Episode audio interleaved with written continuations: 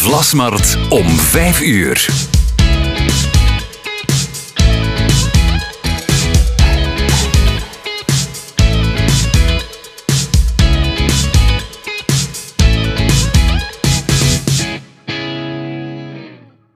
Jean-Paul van Bendegem is professor emeritus aan de VUB, maar is daarnaast ook auteur van heel wat pareltjes, zoals Verdwaalde Stad, waarbij hij de lezer letterlijk en figuurlijk op sleeptouw nam door de Gentse binnenstad.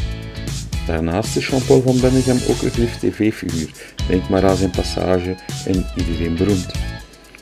Professioneel belandde hij dan wel in onze hoofdstad, maar privé bleef hij honkvast. En 69 jaar nadat hij werd geboren op de Vrijdagmarkt, woont hij nog steeds in Gent. Zijn liefde voor de Achterveldenstad en nog veel meer ontdek je in de vierde aflevering van Op de Vlasmarkt om 5 uur. Als ik de Gentse feesten zou moeten omschrijven, uh, dan denk ik niet dat het mogelijk is om een, uh, zeg maar een uniforme beschrijving te geven. De Gentse feesten zijn. Uh, omdat ik Gentenaar die volgend jaar 70 wordt en altijd in Gent heeft geleefd en gewerkt en gewoond. dus de Gentse feesten ook gedurende bijna 70 jaar heeft meegemaakt. En op al die jaren heb ik toch een aantal belangrijke transformaties gezien. Waardoor ik eigenlijk zou geneigd zijn om te zeggen uh, dat het zin heeft om de Gentse feesten in drie fases op te delen. Gekoppeld aan mijn leven uiteraard. Hè. Dus van 53 tot uh, grofweg zou ik zeggen 68, 69. Uh, de Gentse feesten voor het trefpunt. Dat waren Gentse feesten echt waar van de Gentenaars. Maar die voor een belangrijk deel binnenskamers zich afspeelden ruim, ruim uh, ingevuld uiteraard, want daar zat dan ook de Minaarschouwburg bij. Het jaarlijkse toneelstuk koppelteken revue van uh, Romein de Koning en zijn beren. of ja, veel speelde zich ook af in de cafés. Er waren, wel, er waren activiteiten buiten ook. Het vuurwerk was ook toen al het geval. Maar wanneer dan Trefpunt erbij gekomen is, dus Sint-Jacob zeg maar, Walter de Buk, et cetera, dan is het een uh, nieuwe fase ingegaan. Een fase waarbij vooral het publiek verjongd is geweest. Maar zonder daarom meteen die oude generatie uit te sluiten. Ik heb niet het idee dat ik. Dat, dat die dan niet meer in het straatbeeld voor, voorkwamen, bij wijze van spreken.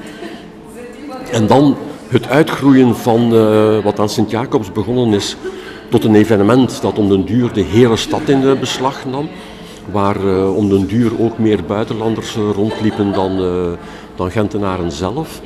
Dat heeft dan naar mijn idee geleid tot een derde fase, waarin men op de rem is gaan staan en probeert om het terug tot Gentse feesten te maken en niet feesten in Gent. dus als je die drie fases hebt, dan zijn dat drie vormen van de Gentse feesten die natuurlijk elementen gemeenschappelijk hebben, maar toch alle drie met een voldoende eigen karakter. Ja. Uh, als je woont op de vrijdagsmarkt, kijk, dat is de Gentenaar die spreekt, want officieel is het vrijdagmarkt, maar een Gentenaar kan dat niet uitspreken zonder die tussen-s. De vrijdagsmarkt. De vrijdagsmarkt. Uh, ja, dat was toen. als je de vrijdagsmarkt rondging, wat was dat dan? groothandel, groothandel groenten en fruit, café, café, café, groothandel, café, café, groothandel, café, café en zo de boel rond. Er was één café met zaden voor vogels. Wat dat dan helemaal. En wat er gebeurde in die Gentse feesten, dat was zeer raar. S'nachts kwam daar uh, een circus toe. de bosleetroepen. Van, van de naam ben ik zeker omdat mijn, mijn middelste broer Victor en mijn, mijn oudste broer trouwens ook, Jackie, hebben ook het idee, de bosleetroepen. Geen twijfel over. Die kwamen s'nachts toe, dat was bijna dat was een mysterie bijna. En, en die stonden daar in mijn herinnering voor de duur van de Gentse feesten. En dat was wel fenomenaal natuurlijk. Hè. Een, een circus vlak voor, voor, jou, voor jouw deur. Dus meestal gingen wij niet het plein op, maar van thuis uit konden wij dat meevolgen omdat er heel veel luchtacrobatie mee gemoeid was enzovoorts. Die Gentse feesten zijn de Gentse feesten voor mij dan van de bosleetroepen, gecombineerd met het vuurwerk. In mijn herinnering was dat dan het Gravensteen. Uh, en wat dan nog eigenlijk? Ja, de Minaarschouwburg, zoals gezegd, uh, dat erbij. En dan denk ik dat ik nu al de voornaamste elementen heb samengelegd. Uh, voor de rest speelt, speelt het zich af in de cafés. Ja. En in de cafés heb ik kilo's uh, chocolade gegeten. dat zijn de enige dingen ik heb, een van de weinige dingen die ik heb overgehouden uit mijn jeugd. Naast mijn schoolrapporten enzovoort. Dat zijn de chromo-boeken van Jacques. Uh, daar zaten prentjes uh, tussen de wikkel en het aluminiumfolie. En je had dan een album.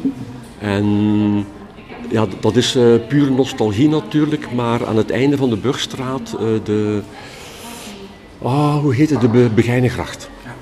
Daar was een winkeltje en als zo'n reeks ten einde liep, kon je daar naartoe voor de ontbrekende prentjes. Om toch jou, jouw album compleet te hebben, uh, en niet jouw gebit helemaal om zeep geholpen te hebben. Want die grote chromos, die zaten dan in de halve kilo. ja. Met alle gevolgen van die. Ja.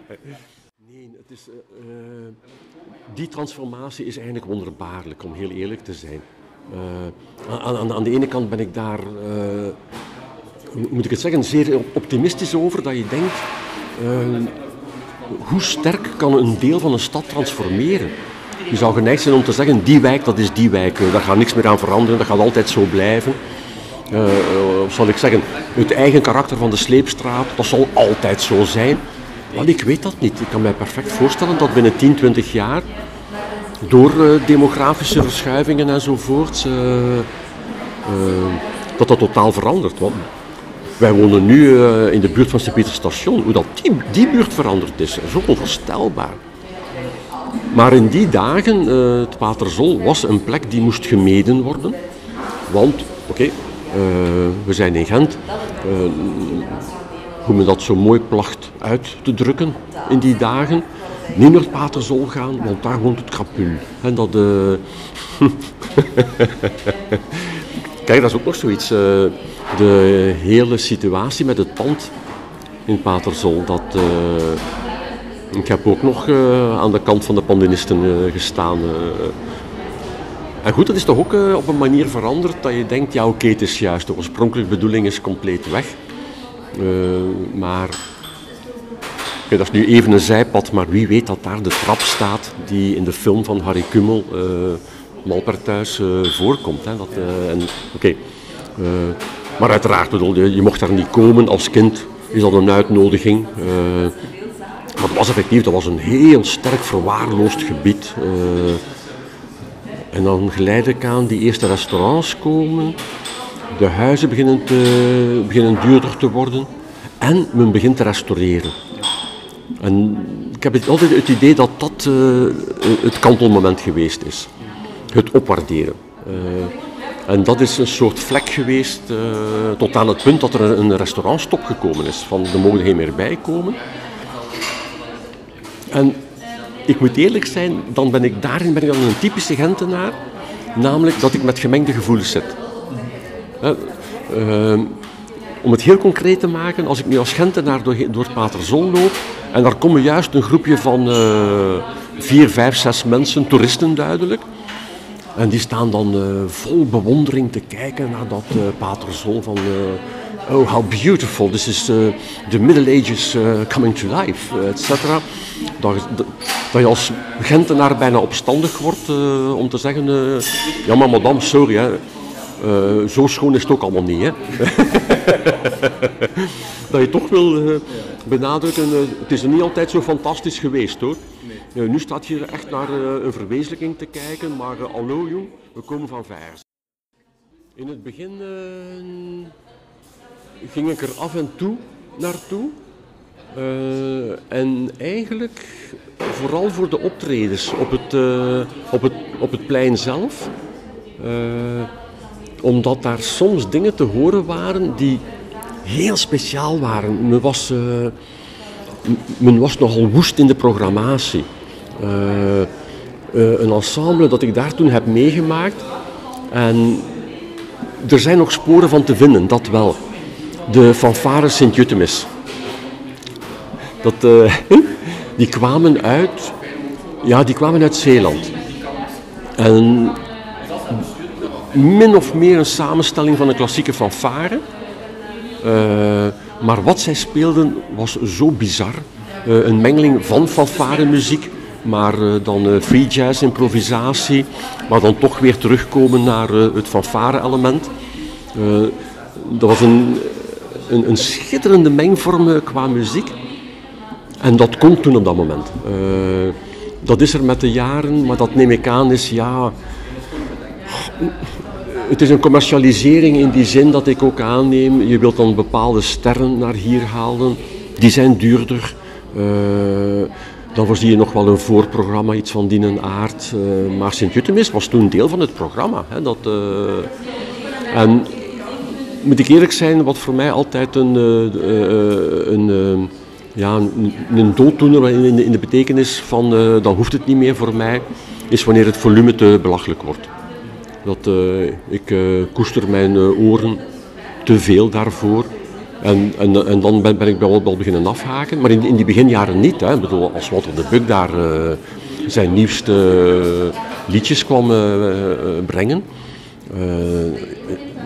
dat zat veel dichter bij kleinkunst. Dat was dan ook Walter de Buk en Wannes van de Velde en de jonge Raymond van, van het Groenewoud enzovoort. Het echt zware werk zat daar, als ik mij goed herinner. Ook iemand als Roland. Oh, dat was blues, hè? De, de, echte blues. Zoals je die vroeger, hoe heette dat café nu ook alweer in de Donkersteeg? Oh. Maar nu praat ik over die periode hoor. Daar was een bluescafé, maar ik ben de naam kwijt. Dat waren eigenlijk de mensen die daarop traden, die het nu op, dat, op het uh, podium deden van, uh, van de Sint-Jacobs. En dat was geestig, bedoel, dat vond ik uh, zeer aantrekkelijk. Ja, dat was onvoorstelbaar. Uh, toch zeker een paar jaren, om middernacht, ongeacht de situatie, werd er een film vertoond. Dus als nodig was, uh, was de projector volledig afgeschermd en stond de, de, de, man die het bediende zelf met een, een, zuidwester aan enzovoort. maar wij zaten daar als publiek gelukkig al voldoende beneveld. van wij komen kijken naar die film. Nou, goed gewapend, als je mijn woorden begrijpt. Uh, en dat waren dan soms de meest idiote films denkbaar. Tot op het punt dat ik effectief uh, toch eens één keer een moment heb gehad, maar toen, toen, kwam de volgende pint, dus was dat meteen weg. dat ik dacht, maar nu zijn we toch echt wel vreed onnozel aan het doen. Zitten kijken in de gietende regen met pinten die verwaterd worden. Niet omdat ze aangelengd waren, maar omdat de regen dat deed. Uh, zitten kijken naar Goldfinger. waarom doen wij dit ja, ja, natuurlijk. Wil, uh, er zit in die zin, zeker in die periode, zat er duidelijk iets van het idee van carnavalsfeesten. In de zin van we schorten nu even een aantal regels op. En als nu iemand komt zeggen, uh, maar jong, zijn, jij nu compleet zot geworden? Dat je kon antwoorden, wel voor deze tien dagen, ja. we zijn nu even zot geworden. We gaan nu even dingen doen waarvan je misschien zelf nadien zegt, uh, allee jong, dat, dat we dachten, dat, dat we dachten. maar op het moment zelf dat je dat kunt doen, dat is eigenlijk dat is een uh, bescheiden, bevrijdend gevoel. Je hebt de wereld niet getransformeerd, maar heel even heb je alles kunnen afwerpen. Uh, ja, zot doen in die betekenis. Ja, vooral die vroege uren vind ik nog altijd. Uh, het, het, is niet meer voor mij, daar moet ik nu eerlijk in zijn. Maar dat heeft te maken met, met onvoldoende weerstand. Bedoel, vroeger, vroeger was een kater een dag. nu is dat toch gemakkelijk drie dagen. Dus ik heb dat drastisch teruggeschroefd. Uh, want dat is toch een beetje veel. Dat, uh, aan de andere kant, uh, als het zou gebeuren dat ik zou in een compagnie terechtkomen en we hebben geen van allen zin om naar huis te trekken, dan waarschijnlijk wel. Dat, als het echt goed gaat, dan, dan moet het ook de sfeer hebben van niet per se een conversatie te moeten draaiende houden. Dus dat het perfect kan dat je daar een kwartier eigenlijk alle vier rond tafel zit, dat je alle vier even een moment hebt uh, van, van niets eigenlijk. En dat er dan iemand zegt, uh, wie stoerest?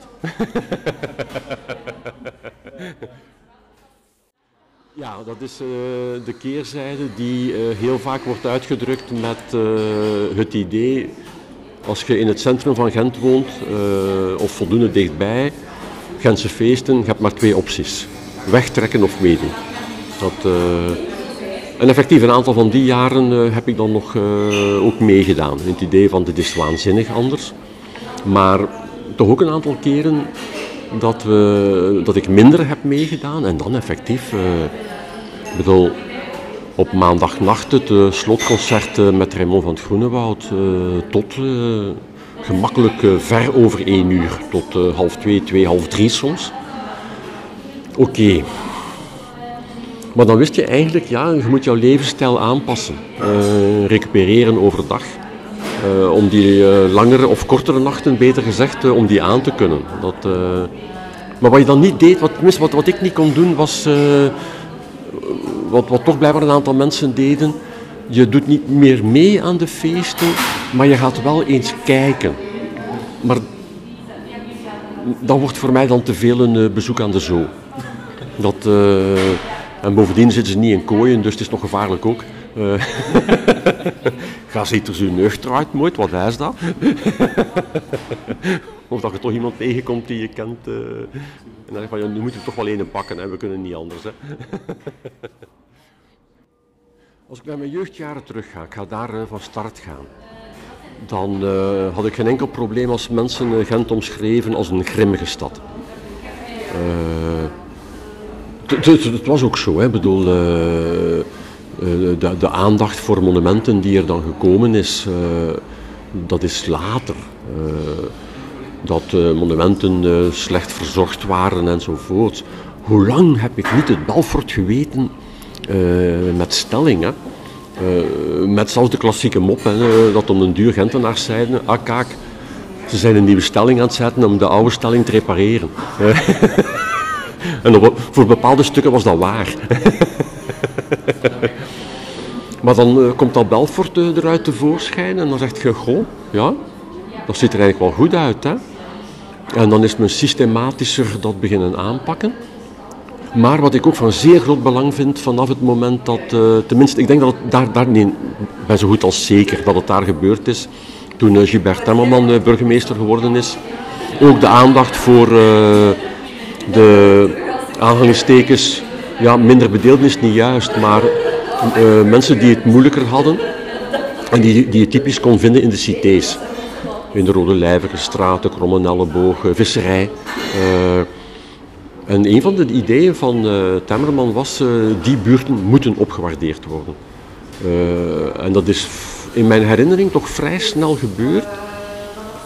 En ja, bij wijze van spreken, als de metafoor kan gebruikt worden, als je de onderkant van de samenleving opheft, dan stijgt al de rest automatisch mee. Uh, dan wordt de kans kleiner dat je plekken gaat vinden in Gent als je daar komt, uh, dat je zegt, oei, hier zit nog uh, echt een zweer. dan wordt ongeveer waar je ook komt, wordt het dan aangenaam. Maar moet ik eerlijk bekennen, als goede, goede Gentenaar, bij momenten wordt het soms iets te aangenaam. Ik bedoel, graslei, korenlei, begint er toch wel echt zeer goed uit te zien. Hè? Dat, dat ik een beetje die, uh, die grimmigheid uh, mis. Om, om, het is zot uitgedrukt, hè, maar, maar ik denk niet dat het gaat gebeuren. Dat Gent het risico zou lopen om een postkaartstad te worden. ze zijn er wel natuurlijk, maar nee. Je kunt nog altijd mensen meenemen op een tournee rond Gent. Of in en rond Gent om, te, om nog een idee te geven van wat is dat, uh, het 19e eeuwse Gent. Uh, dat is niet weggemoffeld of wat dan ook, dat is er nog altijd. En dat vind ik belangrijk, dat vind ik heel belangrijk. Dat, uh, ik zou het bijna durven zo uitdrukken, dat hoe Gent ook getransformeerd is naar een aangenamere stad enzovoort, de sociale structuur blijft nog altijd duidelijk voor wie er oog voor heeft. Uh, in zekere zin was ik uh, een droom van een kind, omdat je met mij absoluut geen last had. Uh, zo typisch bij familiebezoek. Het was voldoende om mij ergens in een hoekje te zetten, iets om te lezen, iets om te eten. En dat was voldoende. Vandaar dus de uitdrukking. en Jean-Paulke, waar is hij? Al wel dagen in een hoekje, mijn boekje, mijn en dat was ook zo. Ik heb soms ik, ik heb al gedacht hoor, uh, dat was ik vandaag geboren, dan had ik uh, zeker al een of andere omschrijving aan mijn been. Van overdreven introvert, dus we gaan maar eens kijken op de schaal van, et cetera. Dat is mij bespaard gebleven. niet zo eenvoudig als je opgroeit in een milieu van commerçanten. Handelaren in groenten en fruit, groothandel. Dat is sociaal zeer intens. Dat is uh, luidruchtig. En toen toch in ieder geval, ik denk dat dat nu er ook al uit verdwenen zal zijn hoor. de olie die de hele machine deed draaien was alcohol. Dus je moest een goede handelaar zijn en goed tegen drank kunnen. Dat was, en mijn vader was daarvan een, een toonbeeld. Echt waar dat soort sociale vaardigheid had ik totaal niet. Daarvoor was ik veel te introvert. Had ik ook begrepen, dit is mijn milieu niet. Uh, deze vaardigheden, uh, hoewel het mij later op de VUB nog van pas gekomen is toen ik decaan was. Want dat is ook eigenlijk heel vaak handel drijven. ja, soms staat er zelfs koe voor, maar hier was het groenten en fruit. dus, dus ik zeg dit alles nu omdat ik uh, in zekere zin door dat milieu werd aangemoedigd om mij nog meer in die zin op te, niet op te sluiten, maar af te zonderen. Uh, waardoor, gekoppeld aan een leergierigheid, ik ging in die zin niet graag naar school vanwege al de toestanden van te moeten opstaan en nu aankleden. En, oh. Maar leren wilde ik wel doen. Ik wilde, ik wilde graag weten. En dat is er nog altijd. Ik bedoel, uh, de Gentse feesten, wanneer het uh, die omvang gekregen heeft die niet meer te doen was. Ik was ook niet, niet meer alleen. Hè. Bedoel, er waren er velen die zeiden, dit kan zo niet blijven duren. Dit is een overspoeling. Maar bedoel, als je meer, meer dan een miljoen komt, gegeven dat Groot Gent ongeveer een kwart miljoen is, dat is drie keren de volledige stadsbevolking erbij. Dat is eigenlijk onvoorstelbaar. Dat was effectief voor mij een marteling. Wanneer die Gentse feesten die schaal gekregen hebben, uh, waar het, en ik ben zeker niet de enige om dat toen gedacht te hebben, waar het werkelijk de spuigaten begon uit te lopen. Wat je dan typisch kreeg, was veel meer letterlijke randfenomenen. dingen die zich afspeelden op locaties waar minder volk kwam. En waar men ook niet per se veel volk verwachtte. En dat, dat ging perfect samen. En die dan ook meestal de overdag doorgingen. Waardoor de Gentse feesten, in die beginjaren van de trefpunt had ik toch het gevoel, het is voornamelijk avondactiviteit. Avond en nacht. Uh, de dag is om te recupereren, om uw kater weg te werken en dan hup, er weer tegenaan te gaan. Maar nu is het echt wel een volledig gevuld ik denk dat dit jaar nu helaas het middeleeuws ontbijt niet zal doorgaan. Maar dat is een typisch voorbeeld, al vanaf morgens vroeg eigenlijk. Hè, dat, dus dat, was, dat vind ik ook een, echt een, een meerwaarde. Dus in die zin ben ik dan meer mij beginnen interesseren voor die neven- of die randactiviteiten overdag. bijvoorbeeld dan gaat het meer over lezingen eh, en dan vanaf een bepaald moment is het dan omgekeerd uh, er nog bijgekomen ook, dat ik dan werd gevraagd om uh, een lezing te komen brengen. Ik was niet de enige die een absolute bewondering had voor, niet, voor Romein de Koning, uiteraard, voor alles wat hij heeft weten te realiseren, maar nog meer eigenlijk voor Yvonne Dalcourt. Well, dat, dat is de echte Gentse versie van uh, Barbara Sarafian. Dat, maar het Gens van Yvonne Delcourt was impeccabele. Dat was werkelijk, ik weet nog uit een toneelstuk waar ze vanuit bescheiden Gentse komaf komende in het geld terechtkomen. En nu heeft ze haar eigen auto met chauffeur. En zij de onsterfelijke woorden uitspreekt op het podium. Ah oui, j'ai maintenant un chauffeur qui chauffe mon chauffage. ah. Goh. Waarheen met de Gentse feesten? Uh. Hm. Ik zou mij kunnen voorstellen dat de diversiteit verder gaat toenemen. Uh, maar nu voorzichtig blijven. Wat ik niet wil bedoelen is dat uh, de Gentse feesten in het verleden zo zouden geweest zijn dat zij bepaalde groepen uit de Gentse samenleving zouden uitsluiten. Bijvoorbeeld uh, alles focussen op de jeugd en de jongeren en daarbij de senioren totaal vergeten. Dat is naar mijn idee eigenlijk nooit gebeurd. Uh, zolang het kon. Uh, oh ja, als Romein de Koning er niet meer was, uh, dan heeft de Tinnepot onder andere het overgenomen voor een belangrijk deel. Dan waren het Daan Huigaard en Bob de Moor die met nieuwe dingen voor de dag kwamen. Dus dat is gebleven. men heeft nooit de groepen uitgesloten. maar met trefpunt en dan de grote evenementen zit er toch wel een zekere focus naar de jongeren toe. In mijn ateneumtijd, uh, wat ik uh, jaren heb gedaan, uh, zaterdag namiddag. ofwel was dat in een hoekje met een boekje en een koekje. ofwel wat ik dan jaren heb gedaan, ongeveer rond een uur of twee vertrok ik van huis uit. En tot een uur of zes ongeveer, dan was ik terug thuis in Gent rondwandelen maar eigenlijk wel op een vrij systematische manier. Dus letterlijk de stad uitkammen.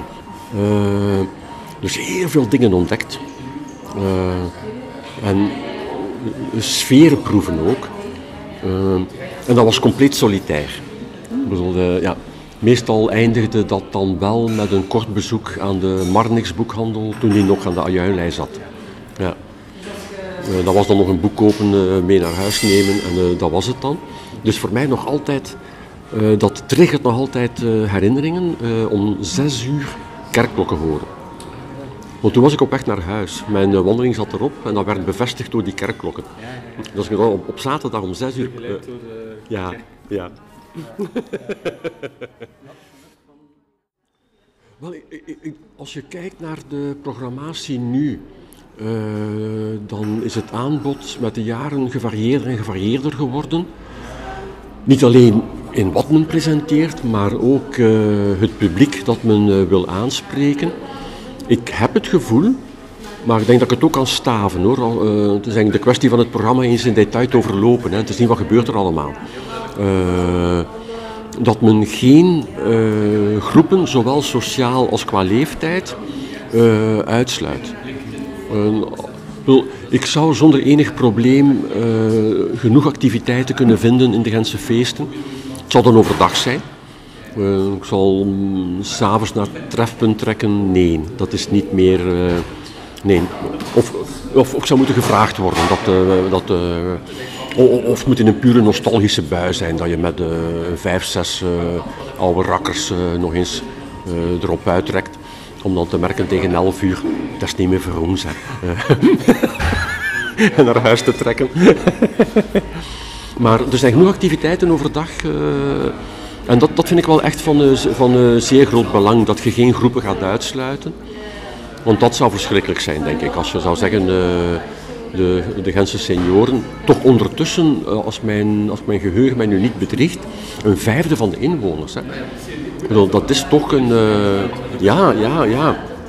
Maar die vind je dan typisch op die kleinere locaties. Hè. Die, die willen die drukte niet hebben, dat begrijp ik. Maar ik, ik ben zelf zo. Dus, uh, dus in de Gentse feesten ze een lezing kunnen geven. Uh, ik ben nu al een paar keren gevraagd geweest door de VZ2 Visit aan Prinsenhof. En dat is heerlijk. Je hebt dan een publiek van 30, 40 mensen, terrasje buiten. Je zit net buiten de feestzone, want het is het zo'n klassieke fenomeen. Men loopt de Burgstraat zelfs niet eens plat. Men loopt het stukje Burgstraat van de Jan, Jan Breidelstraat tot aan het, uh, het Veerleplein plat. Uh, dat is het dan. Hè. Ga daar buiten, ga, ga het gewat in en het is al praktisch afgelopen. En toch gebeuren daar ook een aantal dingen. Hè. Dat, ik vind dat... ik moet zeggen, ik heb nu ook wel het idee, als men mij dan vraagt, wil je aan zo'n activiteit meedoen, dan, dan doe ik het zeer graag. Dat is, dus, dus in die zin, ja, als nu nog de schaal iets kleiner zou kunnen worden. Maar dat denk ik heeft meer te maken met het. Uh... Je hebt van die fenomenen, als je acht mensen aan tafel zet, dan binnen de kortste keren heb je twee conversaties van uh, twee keer vier. Als je een stad laat overspoelen door het dubbele aantal van de inwoners, dan transformeert je die stad. Ja, dat men daar zou oog voor hebben. Dat, maar, maar, men heeft daar oog voor. Dus, wat dat betreft, prima. Dat, dat is een, ik vind het echt een moeilijke, omdat het aanbod nu al zo ruim en gediversifieerd is.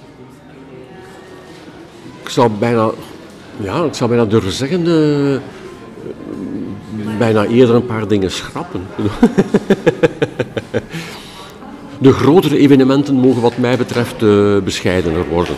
En dat is nu niet uh, de oude man die spreekt, zeer zeker niet. Maar feesten die aan een stad gelieerd zijn, en dat zijn de Gentse feesten toch, die verdragen geen evenementen die de indruk kunnen wekken dat ze van buitenaf geïmporteerd zijn. dat, uh, men heeft er nu een festival neergeploft. En zodra het gedaan is, is dat weg. Dus ik heb het dan, omdat ik nu al een paar keer heb samengewerkt met VZW Visit, een kenmerk van zo'n vereniging is dat die uh, ook buiten de Gentse feesten verder bestaat en werkt en, actief is. En dat is misschien een manier om de, de Gentse feesten tot Gentse feesten en niet feesten in Gent te, niet alleen te, maken is te sterk, want, dat is het al. Maar om te versterken, dat is wat, wat ik zocht. Namelijk om het zo te organiseren dat als de Gentse feesten voorbij zijn, dat, je, dat, het, dat er een continuïteit is. Dat als je dan eens op een ander moment naar die vereniging of uh, welke die ook is uh, gaat, dat je dezelfde mensen tegenkomt met wie je dan ook in de Gentse feesten actief bent geweest. Nu, ik denk dat dat vooral in, het, in de buurtwerking het geval is. Maar dat in het beste geval, geval haalt dat eens AVS. Ja, dat kan hè. Uh, maar meestal wordt daar weinig over gerapporteerd, maar ik weet zeker dat uh, Brugse Poort, uh, Rabot, Wondelhemstraat, noem maar, dat daar ook van alles gebeurt. En in zekere zin is dat voor mij terug de geest van de Gentse feesten, zoals ik het nu heb genoemd, de eerste fase. Het is de lokale buurt zelf die de buurt tijdelijk omtovert tot uh, dus. Wat ik nu eigenlijk aan het zeggen ben, is dat dan de Gentse feesten nog veel zouden kunnen leren van de Paterzolfeesten. eigenlijk komt het daarop neer. Bezoek de Gentse feesten met uh, een gids, maar ik zou meteen het meervoud willen nemen met gidsen, in die zin dat je één dag laat rondleiden door een senior, een echte uh, de tweede dag, we hebben tijd genoeg hè, voor de Gentse feesten. De tweede dag door een senior, maar dan bij voorkeur iemand uit de sleepstraat. Uh, een derde keer met uh, een jong volwassene. die als dan meevalt van de dokken komt. En daar op een waanzinnig duur appartement woont enzovoort. en dan de volgende keer ja, zou ik nu durven zeggen, eh, laat je ook eens rondleiden door Kokuit. Het is een risico, maar het is te overwegen. Uh, en dan een zeer jong iemand. Dus je hebt dan je hebt tijd genoeg, dat zijn dan misschien vijf dagen, dat je vijf rondleidingen gaat krijgen. En neem dan de tijd om van al die rondleidingen een synthese te maken En dan zult je een idee hebben wat de Gentse feesten zijn. Ik maak er meteen een heel werk van. Hè. Niet te goed eens naar dat café gaan, maar nee hoor, wel dikkers en dan moet je dat doen. Dan moet je dat. Kom met onderwijs. Hè. Je luistert naar Vlasmart om 5 uur. Het laatste woord is telkens voor Nicole Hoek, historicus en ervaren stadsgids in Gent. Zij kent de geschiedenis van de Gentse feesten door en door, maar koppelt die rijke schat aan verhalen, aan persoonlijke anekdotes. En zo weet ze telkens de brug te maken tussen een mening of een suggestie van onze bekende Gentenaar met de wonderwereld van de Gentse feesten van vroeger of nu. Als je mij vraagt naar een plaats in Gent die mij verrast heeft, dan ga ik, misschien tot verrassing van mensen, de Torrepoort vermelden. Het is een klein verborgen pareltje, maar ik toon het vaak aan toeristen op gevaar af de rust in het steegje te verstoren. Het is mooi gerestaureerd, de stad heeft de straatstenen mooi vernieuwd en het biedt mij de gelegenheid om te vertellen over twee dingen. Eerst de bestraffing van Gent door keizer Karel. Iedereen kent wel het verhaal van de stroppendragers, maar een van de bepalingen van de bestraffing was ook wel het slopen van stadspoorten. Hier stond namelijk een stadspoort in de middeleeuwen, de Torenpoort, de meest noordelijke poort op de Houtlei op de weg naar Brugge. Het was een dubbele poort, die bestond uit een binnen- en een buitenpoort. Zeer stevig gebouwd, want het verhaal wil dat toen ze inderdaad bij de bestraffing van de keizer in 1540 de poort moesten ontmantelen, dat dat meer een heel jaar geduurd heeft voor de klus geklaard was. De poort moet mooi versierd geweest zijn met beelden. En het was trouwens de gewoonte om Mariabeelden te plaatsen op heel wat gebouwen. Er zouden er ooit 400 zijn geweest. En het Mariabeeldje dat je hier ziet is echt typisch voor de wijk. Er is miserie, er is pest in de middeleeuwen, er is cholera in de 19e eeuw of de leien treedt buiten haar oevers en de overstromingen zorgen voor, voor grote problemen. En mensen nemen dan hun toevlucht tot gebed en ze zamelen geld in om een kapelletje op te richten voor een of andere heilige in de 19e eeuw, meestal voor onze lieve vrouw.